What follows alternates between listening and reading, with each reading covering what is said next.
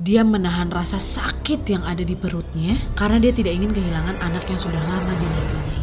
Hai wassalamualaikum warahmatullahi wabarakatuh. Terima kasih sudah klik video ini. Oke wah jadi di malam Jumat ini Nadia akan kembali membahas sebuah cerita horor di mana beberapa bulan yang lalu aku sudah pernah membahas beberapa hantu-hantu yang tersebar di beberapa wilayah di Indonesia Seperti hantu Erni, hantu Nancy, hantu Halimah, Suster Maria gitu kan.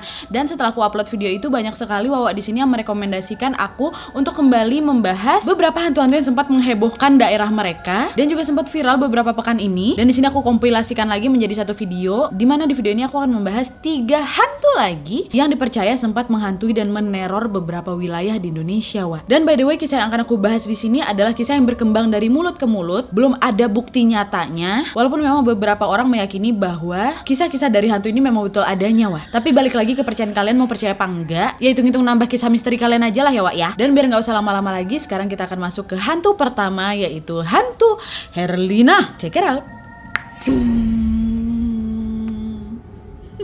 Oke, Wak, jadi memang baru-baru ini media sosial dihebohkan dengan cerita seram yang berasal dari Lamongan, Jawa Tengah, di mana video yang diunggah oleh akun Instagram Neng Update ini mengisahkan sosok hantu yang bernama hantu Herlina, Wak. Nah, apa sih sebenarnya asal-usul hantu Herlina ini? Nah, katanya Wak, si Herlina ini adalah seorang santriwati yang berasal dari sebuah pesantren di Lamongan, di mana dia digambarkan merupakan perempuan yang manis, cantik, ramah, baik. Tapi selama di pesantren itu, Herlina ini merasa kayak nggak dianggap gitu, Wak. Dia ini ngerasa diacukan oleh santriwati-santriwati yang lain dan ustadz-ustadz yang ada di sana. Dan alasannya kenapa juga nggak tahu tuh. Ya nggak ada aja gitu santriwati yang mau berkawan sama dia. Nah, untuk menarik perhatian kawan-kawannya dan para ustadz ini, si Herlina pun ngide lah. Di mana dia memutuskan untuk mengambil sebuah cincin milik ustadz di sana. Dan setelah berhasil mencuri, si Herlina ini berniat untuk mengembalikan cincin itu seolah-olah dialah yang sudah menemukan cincin itu, Wak. Supaya apa? Supaya dapat perhatian nih dari santriwati dan kawan-kawan yang lain. Dan rencana itu akan dilakukannya ketika pesantren sepi. Dan hanya ketika malam tiba, dia pun memutuskan untuk mengambil cincin itu dengan cara mengendap-ngendap dan memberanikan diri masuk ke ruangan ustadz itu. Dia berjalan lah gitu kan menuju ke meja ustadz yang dia yakini kalau cincin yang berbatu aki itu ada di dalam lacinya si ustadz. Nah terus dibukanya itu pelan-pelan laci mejanya si ustadz, betulan nampak itu ada cincin batu aki itu. Diambilnya nih, waktu diambil mau dimasukkan dalam kantongnya kan. Pas dia lagi masukin ke dalam kantong, ketahuan dia nih Wak sama salah satu santriwati yang lagi kebetulan pula lah lewat ruangan ustadz itu. Dah karena santriwati itu udah berhasil memergoki si Herlina, kawannya ini berusaha menangkap si Herlina dan ingin melaporkan tindakan si Herlina ini ke ustadz. Dah lah kan dibawanya lah itu si Herlina ngadap ke ustadz dan pengurus-pengurus pesantren yang lain. Setelah mendapatkan laporan itu, para pengurus pesantren langsung rapat untuk memutuskan hukuman apa yang akan diberikan kepada si Herlina ini. Di mana hukuman ini akan diberikan kepada Herlina supaya tidak menjadi contoh santri-santri yang lain dan agar si Herlina ini tidak mengulang perbuatannya lagi. Karena ketakutan dan malu, akhirnya si Herlina ini memutuskan untuk kabur dari pesantren. Wah, kaburlah dia itu dari pesantren, ngendap-ngendap malam hari keluar dari pintu utama pesantren, terus dia lari sekencang-kencangnya, Wah. Nah, waktu si Herlina ini lagi lari bersamaan waktunya dengan pengurus-pengurus pesantren lagi rapat rapat Wak. Terus salah satu pengurus atau ustadz yang lagi rapat itu lihat nih kalau si Herlina kabur. Dikejar sama ustadz ini kan supaya dia nggak melarikan diri. Herlina nggak dihiraukan Wak. Tetap lari kencang dia nih. Para pengurus yang lain yang mengetahui si Herlina ini kabur karena kan teriakan si ustadz yang tadi juga bersama-sama keluar dari ruangan dan berusaha mengejar si Herlina yang lagi melarikan diri itu. Herlina yang ketakutan melihat ustadz-ustadz itu lari ngejar-ngejar dia sambil teriakin Herlina balik, Herlina balik. Makin ngebuat si Herlina ini panik dan makin mengencangkan larinya Wak. Dah lah kan dengan kondisi yang panik si Herlina ini berlari kencang dia berusaha menyeberangi jalan tanpa menghiraukan laju kendaraan yang sedang menuju kepadanya Wak. Danya di waktu yang bersamaan, sebuah mobil yang melaju dengan kencang mengarah kepada Herlina menabrak Herlina Wak. Nia saking kencangnya mobil itu badan si Herlina terpental lah gitu bermeter-meter ke depan. Dah lah kan akhirnya para pengurus pondok yang melihat kejadian itu pun panik juga. Mereka melamun tanpa bisa mengatakan apa-apa dan di dalam hati mereka pun timbul rasa penyesalan yang sangat dalam Wak. Bawa ke rumah sakit masuk ke ICU koma si Herlina Wak. Sudah dua minggu setelah kejadian itu, Herlina nggak sadar-sadar dari komanya. Ayahnya si Herlina menunggu Herlina di rumah sakit sendirian. Karena diketahui ibunya si Herlina ini sudah meninggal pada saat Herlina berusia 12 tahun. Jadi selama si Herlina ini koma, ayahnya lah yang ngerawat si Herlina kan. Di mana ayahnya ini berharap banyak dengan si Herlina sebagai penerus satu-satunya dan yang akan mengurus dia di masa tua nanti. Dan suatu hari untuk pertama kalinya, ayahnya si Herlina ini meninggalkan si Herlina sendirian di rumah sakit. Wak. Karena ayahnya ini ingin datang ke pesantrennya si Herlina untuk berpamitan ke pengasuh pondok pesantren. Datanglah ini bapaknya kan Wak ke pesantren. Dia temuilah itu kiai yang ada di sana. Dia bilang, Pak, atas nama Herlina, saya minta maaf pada Pak Kiai. Mungkin selama di sini Herlina banyak melakukan kesalahan. Dan insya Allah saat si Herlina ini sembuh nanti, dia bisa balik lagi ke pondok ini. Kata bapaknya Wak. Terus Kiai jawab, kami sudah memaafkannya Pak. Semoga Herlina cepat sembuh ya Pak. Dan pintu pondok pesantren ini selalu terbuka untuk Herlina. Kata si Kiai Wak. Setelah mengemas barang-barangnya si Herlina, ayahnya langsung meninggalkan pondok pesantren. Balik lagi nih ke rumah sakit. Tapi waktu balik itu Wak, timbul rasa marah dan dendam dari bapaknya ini. Karena pada saat ayahnya ini mengemasi barang-barangnya si Herlina dan berjalan keluar pondok, para santriwati-santriwati ini melihat sinis ke arah bapaknya Wak. Selain itu, bapak ini juga marah kepada pesantren gegara karena bapak ini menganggap pesantren ini sudah menghakimi semena-mena si Herlina karena menurut bapaknya anak perempuan satu-satunya ini merupakan anak yang jujur dan selalu berusaha berbuat baik kepada teman-temannya Wak. Ayahnya menganggap nggak mungkin anaknya bikin kayak gitu dan ayah sudah berniat kalau aja anak aku nanti sembuh dan memang terbukti kalau bukan dia yang melakukan hal itu, ayahnya akan membalas dendam kepada para santri di sana dan para pengurus pondok pesantren itu. Dah lah kan wayah, baliklah itu dia ke rumah sakit. Waktu masuk ke ruangan anaknya, wah. Ayahnya Herlina ini terkejut ketika melihat anaknya sudah ditutupi selimut seluruh badannya dan Herlina ternyata dinyatakan meninggal ketika ayahnya sedang menuju ke rumah sakit. Wah. Tanpa seorang pun yang menemani Herlina saat menjemput ajalnya ini, membuat hati sang ayah terguncang. Ayahnya hanya bisa duduk sambil memeluk tubuhnya Herlina yang sudah lemas tanpa bisa berbuat apa-apa.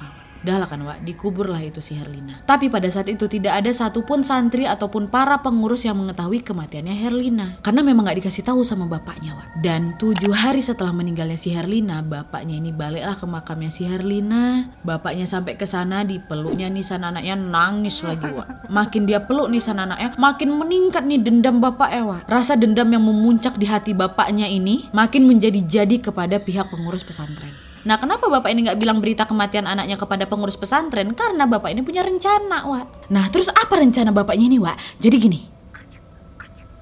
Suara apa itu? Aduh suara apa ya? Suara apa itu? Kalian dengar nggak? Hei, suara apa tuh? Hah? Hah? Kalian dengar nggak? Oh, dengar nggak? Ada suara kerences kerences gitu, Wak. Oh, aku tahu ini, ini suara apa ini. Suara pasti dari sini. Ya kan? Ayo cepat. Nah kan betul Wak. Nih ini adalah suara crunchnya dari es krim favorit aku yaitu Jikon Black and Pink. Nih ya kita relax dulu nih Wak. Jangan tegang-tegang kali kalian. Aku mau kasih lihat nih sama kalian salah satu es krim terfavorit aku dari Glico Wings yaitu di mana Glico Wings ini mengeluarkan produk terbarunya yang bernama Jikon Black and Pink. Kenapa aku suka sama es krim ini Wak? Karena, nih ya bentar aku buka dulu. Hmm, tuh Tuh, endol tuh. Tuh, my favorite ice cream. Oh. Nah, kenapa Jikon Black and Pink ini merupakan es krim terfavorit aku? Karena produk terbaru dari Glico Wings ini memadukan rasa es krim vanilla dengan stroberi yang ngeblend kali, lembut, manis, lelehan saus stroberinya. Wah, ya Allah. Hmm, enak banget. Dan juga keunikan lainnya dia black cone. Nggak warna-warna yang krem-krem itu nggak black. Cone warna hitam tuh. Jangan sedih wak. Saus stroberinya nggak di atasnya aja. Sampai dalam-dalamnya. Seger wak. Tiap gigitan pasti kalian masih dapat saus stroberinya ya. Hmm, hmm masih dapat. Oh dan kalau udah nyobain cone wak? Makin nagih. Karena apa? Karena crunchy. Hmm. hmm kalian juga pasti tipe-tipe orang yang suka cone kan? Apalagi yang crunch. Hmm. Ya Allah. Tuh sausnya tuh sampai ke dalam wak. Nggak cuma di atasnya doang nggak cuma sebagai syarat aja. Enak banget. Tuh. Sampai dalam. Hmm. Sampai dalam sausnya nggak cuma syarat aja sampai di atas doang. Hmm? banyak-banyak makan es krim wak biar relax. Apalagi di kondisi pandemi kayak gini kan. Udah terlalu lama di rumah aja. Mood rasanya nggak karu-karuan butuh mood booster untuk bikin hari makin semangat gitu nah ini nih. Aku suka kali makannya aku juga sebenarnya udah nggak meragukan lagi sih es krim es krim dari Glico Wings. Karena aku juga termasuk favorit banget dengan es krim es krim Glico Wings. Selain memang rasanya enak harganya juga murah-murah. Wak kalian tahu ini nih ya berapa harganya? lima ribu aja. lima ribu wak tenan. lima ribu rupiah. Kalian udah dapat es krim Jikon Black and Pink ini dengan paduan rasa es krim vanilla pakai saus yang nggak cuma syarat di atas doang sampai dalam-dalam. Terus konnya unik warna hitam crunch pula. Dan jangan sedih kalian pengolahan dari es krim Glico Wings ini sudah mengedepankan teknologi dari Jepang wah. Jadi nggak usah nunggu lama-lama lagi. Abis nonton video ini kalian langsung stok es krim Jikon Black and Pink ini sebanyak-banyaknya di rumah kalian. Kasih mama, bapak, adik, kakak, abang kalian, tetangga-tetangga kalian, saudara kalian kasih semuanya. Supaya apa? Supaya memberikan situasi yang lagi down bisa senang lagi. Supaya bisa mengembalikan mood untuk melanjutkan kegiatan-kegiatan yang lebih bermanfaat lagi. Supaya bisa membangkitkan mood setelah melakukan kegiatan yang melelahkan. Bisa memberikan kebahagiaan kepada orang, bisa menyenangkan diri sendiri juga karena makan es krim ya kan? Cus, Wak, langsung kunjungi toko retail modern terdekat tempat kalian. Langsung langsung cari Pak ada Jikon Black and Pink nggak? Langsung kalian borong banyak-banyak ya Wak ya. Cuma lima ribu rupiah. Nih tuh. Jangan lupa Wak ya. Aku mau makan lagi. Ah terima kasih Klika Wings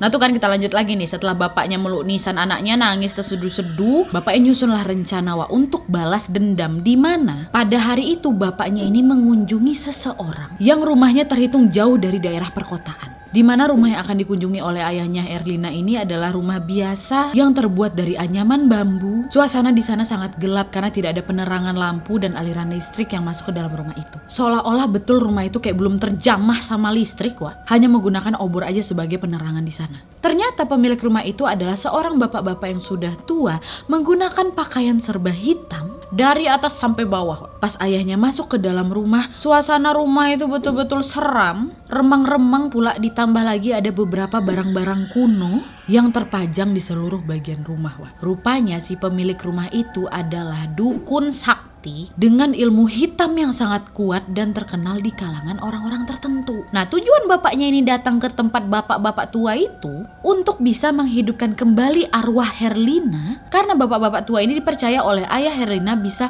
menghidupkan arwah yang sudah meninggal untuk bisa dibawa kembali ke dunia. Wak. Setelah berbincang dengan si dukun mengutarakan maksud dan tujuannya, ayahnya Herlina ini meminta si dukun untuk menghidupkan kembali Herlina untuk membalas dendam kepada santri-santri santri dan para pengurus pesantren itu. Dan dengan keahliannya si dukun, arwah Herlina ini datang dibarengi dengan guncangan kecil di setiap sudut ruangan dan juga bunyi-bunyi barang yang bergerak menyelimuti keadaan proses pemanggilan arwah Herlina ini. Dah didatanginlah itu arwah Herlina nih katanya. Setelah mendengar kesaksian dari si Herlina, dukun pun akhirnya mengerti maksud kedatangan ayahnya Herlina. Terus si dukun ini meminta ayahnya Herlina untuk pulang dan balik lagi ya satu minggu lagi kata si dukun. Untuk apa? Untuk menyelesaikan proses terakhir pengembalian arwahnya Herlina. Dah tepat seminggu setelah peristiwa itu, ayah Helena ini balik lagi lah nih ketemu sang dukun. Waktu udah nyampe ke sana, ayahnya si Helena ini terkejut ketika sang dukun mengajaknya pergi ke ruangan belakang pondoknya itu dan di sana ayahnya melihat ada seorang gadis yang masih muda sangat mirip dengan Herlina yang berbaring seolah-olah sedang tertidur padahal gadis itu sudah meninggal. Dah dukun yang duduk di sebelah mayat itu pun mulailah tuh ritual. Ritual pemanggilan arwah Herlina dan memasuk memasukkan arwah Herlina ke dalam jasad wanita tadi. Terus tiba-tiba kulit wanita itu yang pertama kalinya pucat, perlahan-lahan berubah kemerahan dan gak lama matanya kebuka. Wak. Berhasillah itu masuk arwahnya Herlina ke dalam tubuh gadis tadi. Terus setelah itu si dukun ini meminta satu syarat Wak kepada bapaknya Herlina. Di mana sang dukun mengatakan kepada bapaknya bahwa setiap malam Jumat Kliwon harus ada korban manusia yang dapat diminum darahnya oleh gadis ini. Dan pada saat itulah terlahirlah Herlina Herlina si penghisap darah. Betul Wak, bisa jalan nih balik ke rumah sama bapaknya Herlina. Dan Tede ngali-ngali langsung keesokan harinya, Herlina pun kembali ke pesantren bukan dengan tujuan menuntut ilmu lagi, tapi untuk menuntut balas dendam kepada perilaku teman-temannya dan para pengurus pihak pesantren sesuai keinginan sang ayah. Wak. Nah pihak pesantren tidak mengetahui bahwa sebenarnya Herlina ini sudah meninggal Ya menerima kembali si Herlina dengan tangan terbuka lah ya kan Masuklah itu Wak si Herlina ke dalam pesantren lagi Dan betul Wak semenjak si Herlina ini masuk dalam pesantren banyak kejadian ganjil terjadi di mana hampir setiap hari para santriwati kesurupan. Selain itu juga sering terjadi pencurian beberapa barang-barang berharga milik pengurus pesantren dan banyak juga para santriwati yang akhirnya dihukum karena apa? Karena barang-barang yang sudah dicuri tadi ditemukan di tangan para santriwati ini, Wak. Padahal para santriwati yang tertangkap memiliki barang curian ini tidak pernah sama sekali mencuri bahkan menyentuh barang-barang berharga milik pengurus-pengurus pesantren ini. Dan wak ya nih, ha, di malam Jumat Kliwon di mana malam ini merupakan kewajiban sang ayah untuk bisa memberikan tumbal darah kepada badannya si Herlina ini dan di malam itu pesantren pun digemparkan karena ada salah satu santriwati yang meninggal. Kalian bisa tebak nggak santriwati yang meninggal ini siapa? Ya, betul. Santriwati yang meninggal ini adalah santriwati yang memergoki Herlina pada saat Herlina mencuri batu akik milik Ustadz itu. Di mana santriwati ini ditemukan meninggal dengan keadaan yang sangat aneh karena di lehernya terdapat bekas gigitan seperti digigit oleh hewan bertaring dengan tubuh yang kaku tanpa ada satu tetes darah pun yang menetes wah. Dah meninggal lah itu wak santriwati itu. Katanya entah iya entah enggak udahlah telan-telan aja lah Wak ya. Ini pula yang berkembang dari mulut ke mulut. Nah terus karena banyaknya peristiwa-peristiwa aneh di pesantren itu suasana pesantren yang awalnya penuh keceriaan berubah mencekam. Pihak pesantren pun memutuskan untuk meningkatkan keamanan dengan melakukan keliling di pos-pos tertentu karena pembunuhan santriwati tadi belum ditemukan tersangkanya nih Wak. Ya mereka mana percaya setan ya kan? Dan ditakutkan peristiwa itu bakal terjadi lagi nih. Patroli pun dilakukan setiap malam di jam tertentu. Tapi meskipun telah meningkatkan tingkat keamanan di pesantren itu, ternyata tidak hanya satu santriwati itu tadi aja, tapi kejadian pembunuhan pun kembali terjadi, Wak. Di mana di malam Jumat Kliwon berikutnya, seorang pengurus pesantren yang merupakan pemilik dari batu akik tadi turut meninggal dunia, Wak. Dan pengurus ini juga meninggal dengan keadaan yang sama seperti santriwati tadi, di mana di bagian lehernya terdapat luka bekas gigitan hewan bertaring, dan lagi-lagi tidak ada satu tetes darah pun yang keluar dari badannya. Karena kepala pesantren marah dengan keadaan ini, akhirnya beliau menyuruh seluruh santriwati, pengurus siapa pun itu yang ada dalam pondok pesantren berkumpul, termasuk si Herlina. Dan pada saat lagi berkumpul itu, Herlina ini nggak sadar wak ternyata di bagian mulut dan kerudungnya si Herlina ini banyak bercak darah darah yang segar yang mengalir aja gitu Salah satu teman Herlina yang menyadari hal itu pun langsung heboh lah ya kan. Teriak dia di tengah aula itu dan membuat keadaan dalam aula pun semakin ricuh. Dan wak ya dalam sekejap tiba-tiba si Herlina ini langsung berubah sosok menjadi perempuan berbaju merah mengeluarkan taring dengan tawa yang menyeramkan. Para pengurus pesantren langsung bingung, panik melihat kejadian itu. Mereka langsung berkumpul untuk melindungi diri. Hingga ada seorang anak laki-laki berusia sekitar 20 tahunan tua yang menggunakan baju muslim lengkap dengan tasbih di tangannya. Dan pria itu pun langsung mengumandangkan doa. Dan hantu merah itu seketika langsung menatap pria tadi. Dan ketawanya makin keras melihat apa yang dilakukan oleh si pria muda tadi. Setelah menyelesaikan doanya yang panjang, pria muda itu langsung memutuskan tali tasbihnya dan seluruh butiran tasbih digenggamnya di dalam tangannya dan langsung dilemparkan ke tubuh Herlina tadi, Wak. Dan setelah dilemparkan tadi, suara tawa yang keras berubah menjadi suara rintihan kesakitan dan tubuh hantu itu pun terbakar, terbang keluar aura mengitari pesantren itu. Pemuda itu pun langsung berlari mengejar si hantu tadi dan akhirnya hantu itu pun menghilang di antara semak-semak yang tidak tidak jauh dari pekarangan pesantren. Yang membuat mengerikan itu adalah nggak cuma satu dua santriwati yang lihat, wah, semua orang yang ada di pesantren itu katanya betul-betul menyaksikan jelas kejadian mengerikan itu. Wak.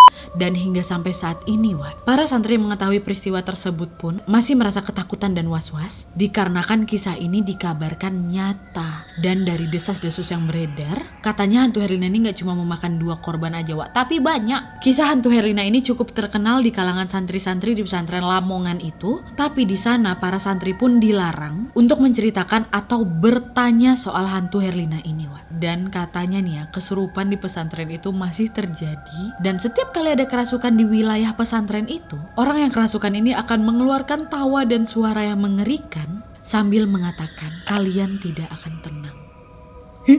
Merinding. Untung ada Yasin, mantap.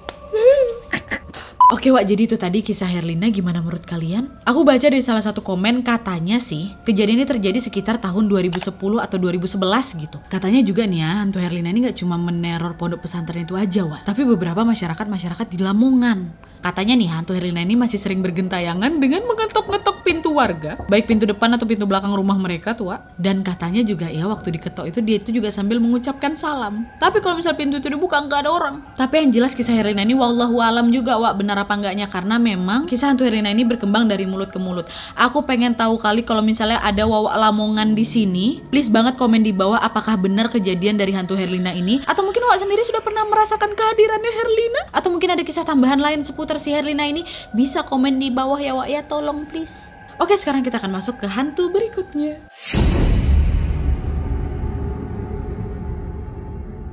Nah, hantu yang kedua adalah hantu Farah yang ada di SMA Jakarta, Wak. Kalau seandainya di Bandung ada yang namanya hantu Nancy, di Jakarta ada juga nih, Wak, hantu Farah. Nah, SMA-nya di mana aku nggak mau kasih tahu, kalian cerita aja sendiri ya. Di mana SMA yang berada di Jalan Pasar Baru Jakarta ini memang sudah terkenal angkernya, Wak. Tahu nggak umur SMA ini udah berapa tahun, Wak? 150 tahun usia bangunannya ini. Nah, katanya dulu ya sekitar tahun 1985 ada seorang murid yang bersekolah di sana bernama Farah meninggal dunia dunia.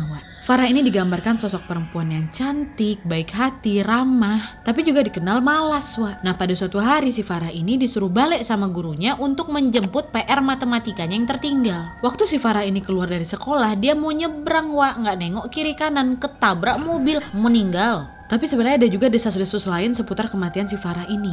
Ada yang bilang dia ketabrak, ada yang bilang dia ini diperkosa, ada yang bilang dia ini dibunuh. Legenda kematiannya sampai sekarang pun gak pernah usai, Wak. Nah, beberapa hari setelah si Farah ini meninggal, tiba-tiba di langit-langit kelasnya si Farah ada tulisan Farah, F-A-R-A-H yang berwarna merah kecoklatan, Wak. Tapi huruf F-nya ini tiba-tiba kayak berubah menjadi P dan kalau dibaca udah nggak farah lagi. Jadi apa? Parah. Dan ketika melihat tulisan misterius itu, guru di bagian kesiswaan itu pun menyuruh tukang untuk mengecat kembali langit-langit kelasnya si Farah ini, Wan. Supaya apa? Supaya nggak heboh lagi karena tulisan Farah yang ada di langit-langit kelasnya ini menghebohkan seluruh siswa-siswi yang ada di sekolah itu, Wan. Ya karena kan pas kali kejadiannya si Farah meninggal terus tiba-tiba muncullah itu tulisan misterius di langit-langit kelas itu. Anak-anak yang harusnya konsen jadi nggak konsen, jadi ketakutan. Tulisan misterius ini dengan peristiwa kematiannya si Farah. Dari situ juga muncul desas-desus yang mengatakan bahwa yang menulis tulisan Farah di langit-langit itu adalah si Farah sendiri. Di mana katanya si Farah ini menyimpan rasa sakit hati kepada gurunya yang memaksa dia untuk mengambil PR-nya di rumah. Karena kalau aja dia nggak balik jemput PR-nya di rumah itu dia mungkin nggak meninggal gitu wah. Dan setelah langit-langit itu dicek mau percaya apa enggak kalian. Tulisannya muncul kembali wa. Dicat lagi. Muncul lagi, dicat lagi, muncul lagi. Akhirnya udah malas lagi dicat. Nah dari situlah banyak orang percaya bahwa sepertinya yang menulis tulisan di langit-langit itu adalah arwah Farah yang masih mati penasaran. Dan sebenarnya SMA U ini juga memang terkenal dengan keangkarannya, Wak. Nggak cuma hantu Farah aja. Ada juga penampakan suster tanpa kepala yang tiba-tiba muncul dari tirai tebal di jendela sekolah itu, Wak. Dan pintu kelas serta jendela di sekolah itu sering terbuka tutup sendiri. Bukan karena angin, Wak. Bukan. Karena nih ya, pas lagi jam pelajaran, lagi hening, semua lagi fokus belajar, tiba-tiba pintu yang dalam keadaan tertutup terceklek tuh, ha? Gak yang ketutup biasa nggak keceklek, kekait, tiba-tiba kebuka sendiri kayak gagang pintu itu betul-betul diceklek sama orang gitu. Terus nggak cuma itu aja ada juga suara derit pintu dari ruangan lainnya yang didengar satu kelas ada juga nih pintu udah ditutup didiamin bentar 15 menit aku buka lagi. Dan biar kalian tahu nih setiap kali ada guru matematika yang mengajar di SMA U ini guru matematika ya bukan guru yang lain guru matematika. Katanya Wak sering tercium bau anyir dari badan guru itu seluruh guru matematika katanya. Nah itu tuh yang selalu dikait-kaitkan dengan kematiannya si Farah ini. Karena kan Farah menjemput PR matematikanya. Jadi kayak dia tuh balas dendam sama semua guru matematika yang ada di sana, Wak. Tapi gimana menurut kalian? Kalian bisa komen di bawah. Ada atau tidak kalian yang tahu SMA mana yang ku maksud? Dan mungkin kalian adalah orang yang bersekolah di sana? Apa kisah lain seputar Farah, Wak? Bisa komen di bawah ya. Next. Dan yang terakhir adalah hantu Lasmi di Bandung lagi. Nah baru-baru ini ada viral sebuah cerita horor dari sebuah akun Twitter yang bernama Valen Zaman. Di mana Valen ini menceritakan pengalamannya berinteraksi dan mendengar kisah hidup kuntil anak merah yang selama ini menjaga adiknya. Di mana kuntil anak merah ini bernama Lasmi. Tapi nggak cuma syarat akan horornya aja, kisah dari Lasmi ini juga sedikit menyentuh. Jadi gini, dulu itu adalah seorang wanita bernama Lasmi. Lasmi ini merupakan sinden di zaman penjajahan Belanda. Semasa hidup ini menikah dengan seorang laki-laki bernama Asep yang merupakan peniup seruling dari grup pengiringnya. Menurut Valen cerita ini berasal dari hantu Lasmi ini wah. Di mana Lasmi ini bercerita kepada si Valen tentang dirinya dengan medium adiknya si Valen ini sendiri. Nah jadi ceritanya sebelum si Lasmi ini bergentayangan. Lebih dari 100 tahun yang lalu si Lasmi ini merupakan seorang perempuan yang hidup di zaman penjajahan Belanda. Lasmi berprofesi sebagai sinden dan ini pun menikah dengan si Asep di usia dia yang ke-12 tahun, wah. Karena di zaman itu juga menikah di usia 12 tahun lumrah-lumrah aja. Pada saat itu mereka bertemu di sebuah kebun teh di daerah Lembang dan kemudian jatuh cinta kemudian langsung menikah. Pernikahan si Lasmi dan Asep ini bahagia, wah. Mereka hidup dan bekerja bersama. Setelah mereka menikah, mereka menjalani hidup yang sederhana di Lembang dan karena memang pada saat itu Lasmi ini berprofesi sebagai penyinden dan Asep berprofesi sebagai peniup seruling, mereka ini suka lawak nyinden setiap kali ada hitanan atau nikahan gitu. Nah, mereka ini paling senang kalau Belanda menyewa mereka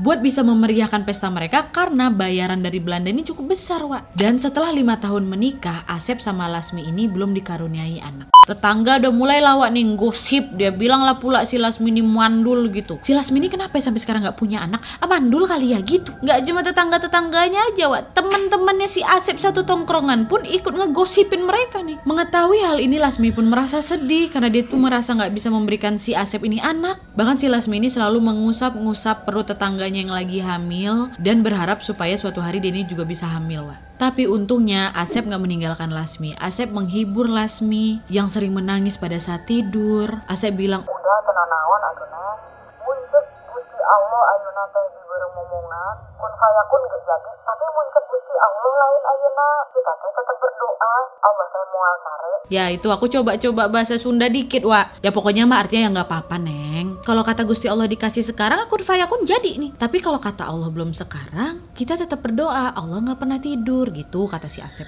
Lasmi cuma ngangguk-ngangguk aja. Dan terus berdoa di dalam sujudnya Wak. Dia ini sering ngelamun ketika melihat ibu-ibu hamil. Ya sedih lah kan rasanya Wak. Gak cuma sampai situ aja. Udahlah sedih belum kunjung punya anak juga Lasmi ini pernah dirayu bahkan dilecehkan oleh Londo Saat dia selesai pentas dari acara-acara orang Belanda. Tapi walaupun demikian Lasmini tetap membalas dengan senyuman dan menolak halus dengan menggunakan bahasa Belanda sambil mengatakan terima kasih tuan, tapi saya tidak akan pernah mengkhianati suami saya. Londo itu tertawa sambil menepuk pantatnya si Lasmi sebelum akhirnya meninggalkan si Lasmi pergi. Lasmi senyum aja tetap Wak sambil menahan tangis. Kejadian itulah yang membuat dia merasa semakin sedih dan merasa tidak pantas menjadi seorang ibu. Melihat istri yang sangat bersedih hati, Asep selalu meyakini Lasmi bahwa dia tidak akan meninggalkan Lasmi walaupun mereka ini belum dikaruniai keturunan Wak. Dan alhamdulillahnya Wak setelah 10 tahun pernikahan mereka, Lasmi pun akhirnya hamil, Wak. Lasmi dan Asep pun sangat senang. Lasmi selalu mengusap-ngusap perutnya sambil melantunkan doa. Para tetangga berhenti menggunjingkan mereka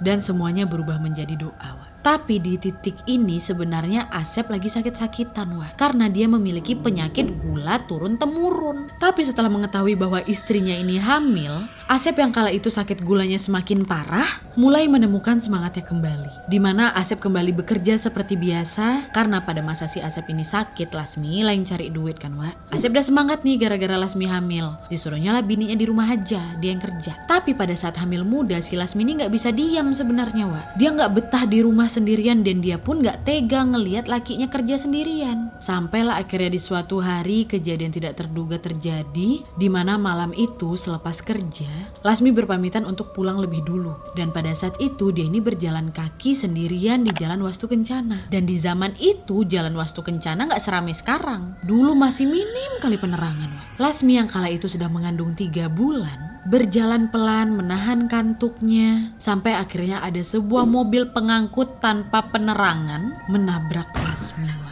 Tragedi berdarah itu terjadi secara cepat. Tubuh Lasmi terseret dan wajahnya menghantam tanah bebatuan sejauh 8 meter ke depan, merobek mulut sampai ke telinganya.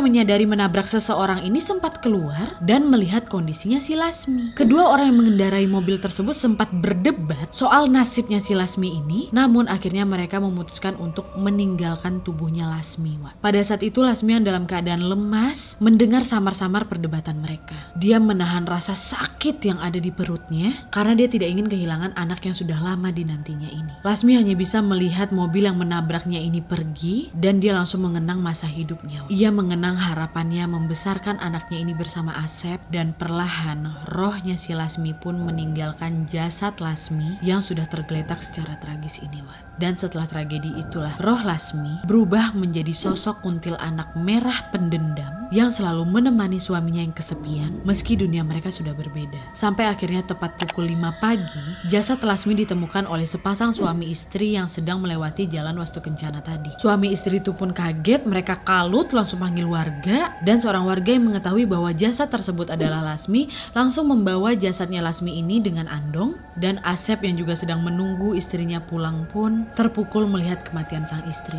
Tangisan Asep pecah ketika melihat jasad sang istri, di mana ketika dia melihat kakinya si Lasmi ini berdarah, dia tahu bahwa dia ini sudah kehilangan dua orang yang paling dia cintai di dunia ini. Wak. Lasmi yang melihat tangisan Asep ini pun memeluk si Asep. Roh Lasmi ya, Wak ya, bukan Lasmi asli. Dan di hari itu juga jasadnya si Lasmi ini langsung dimandikan. Rumah Asep yang biasanya sepi tiba-tiba ramai didatangi orang yang berbela-sungkawa. Tapi di tengah-tengah proses pemakaman ini, Wak, masih ada aja tetangga yang bergunjing.